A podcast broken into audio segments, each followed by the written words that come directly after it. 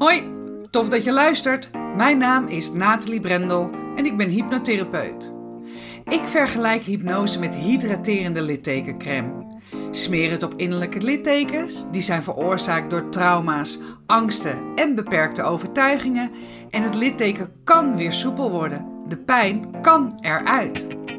In deze podcast ga ik, naast hypnose, op zoek naar andere hydraterende littekencremes. Want wat is er allemaal te vinden in het alternatieve therapieëncircuit? Ik ga in gesprek met de beste specialisten. Hoe zijn zij met hun smeerseltjes in aanraking gekomen?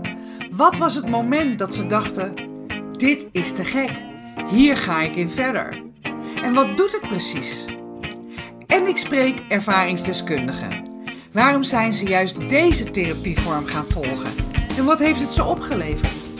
Kortom, de verhalen achter de kremmetjes. Welkom bij Smeren met Brendel.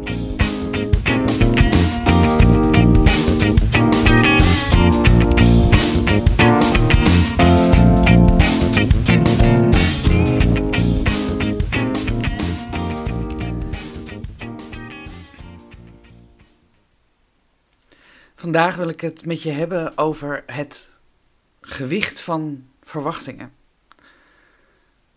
Want verwachtingen zijn natuurlijk prima om te hebben.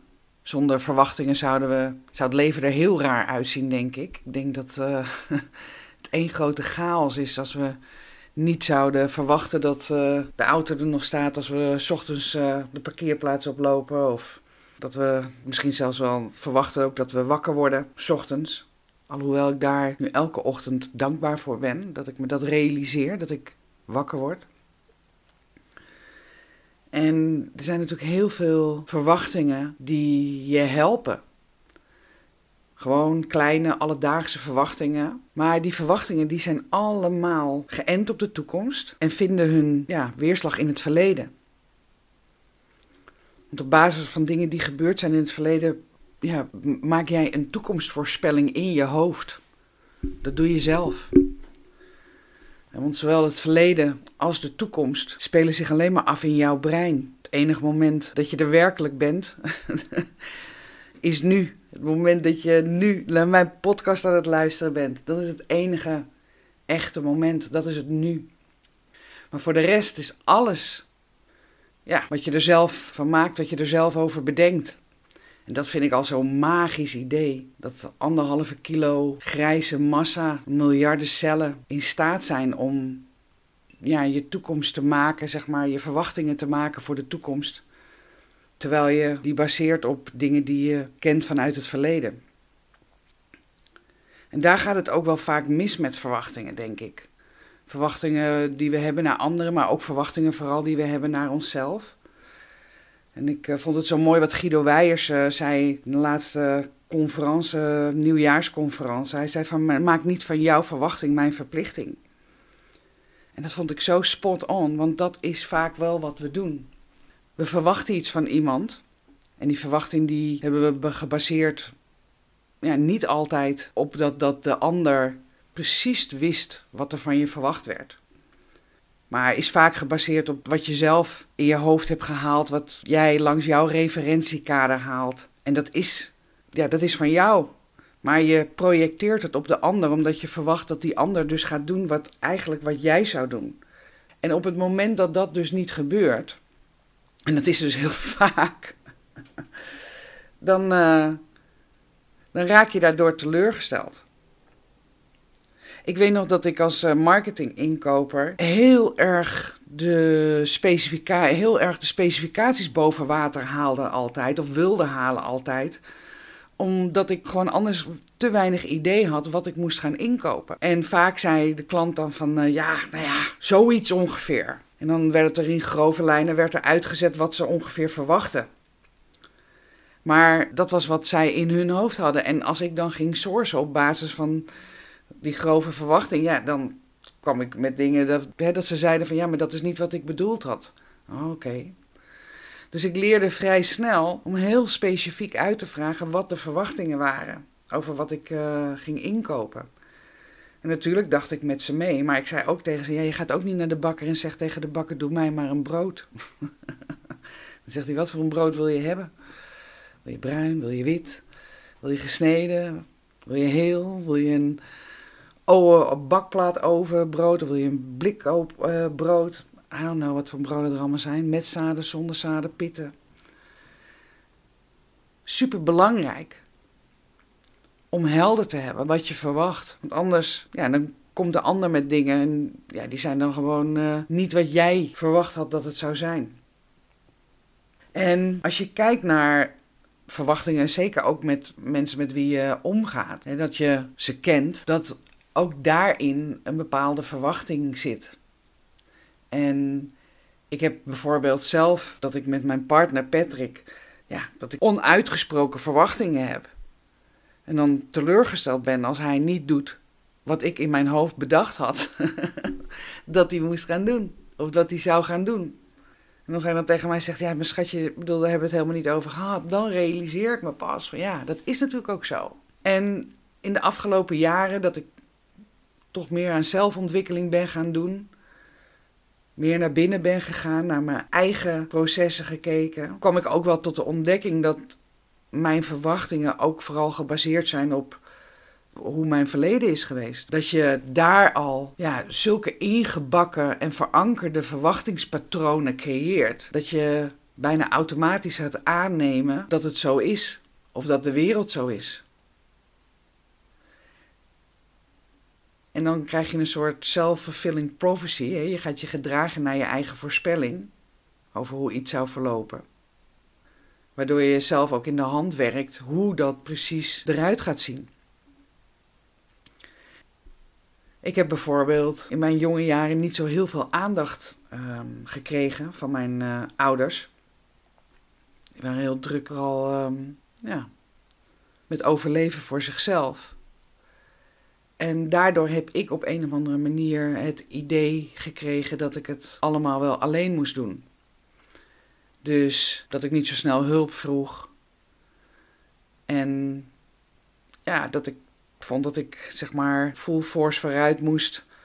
Om vooral te laten zien hoe goed ik het wel niet deed in mijn eentje. Maar ja, dat houdt uh, natuurlijk ook geen stand, want je kan het helemaal niet alleen doen. Wat ik wel heb geleerd daardoor is dat ik verwachtingen los kan laten. Dus dat ik minder verwacht van anderen.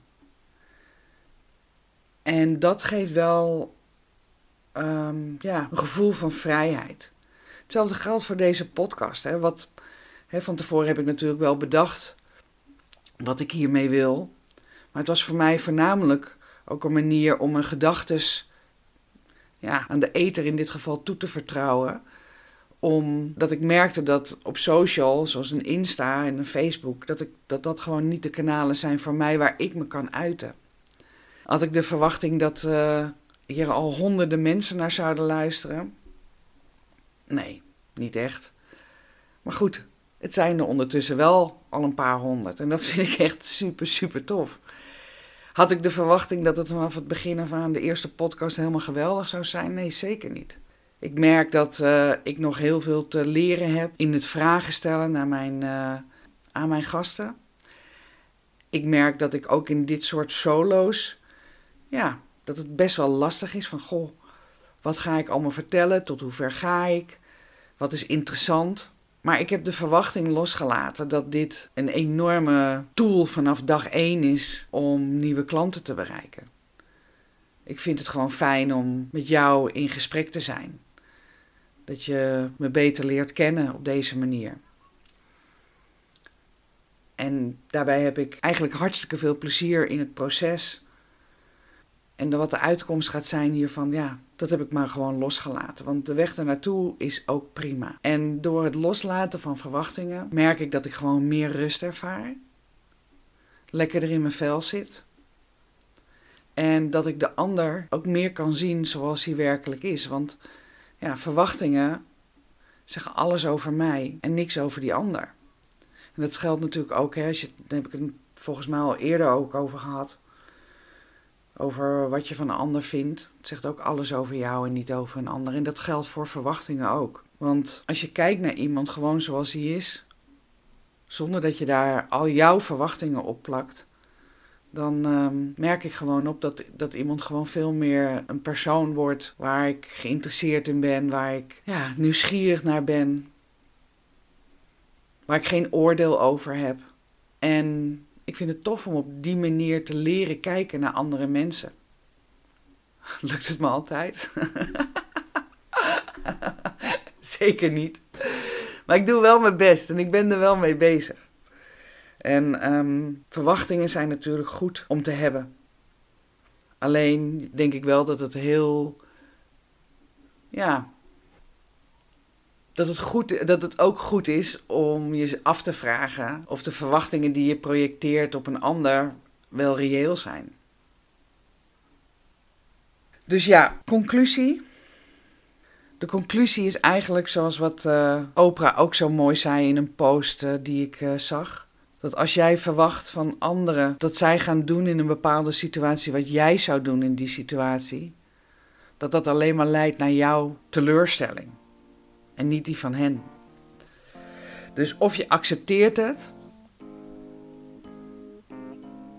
of niet. Heb een mooie dag.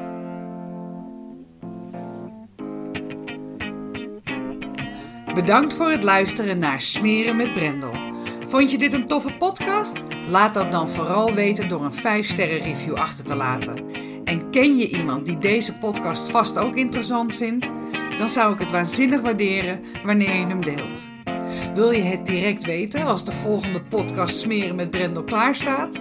Klik dan in jouw podcast-app op de button subscribe en je ontvangt direct bericht als de nieuwste podcast online staat. In de Spotify-app kan je zowel het beoordelen als het delen en het volgen van deze podcast heel eenvoudig regelen door op de drie puntjes te klikken. Super bedankt!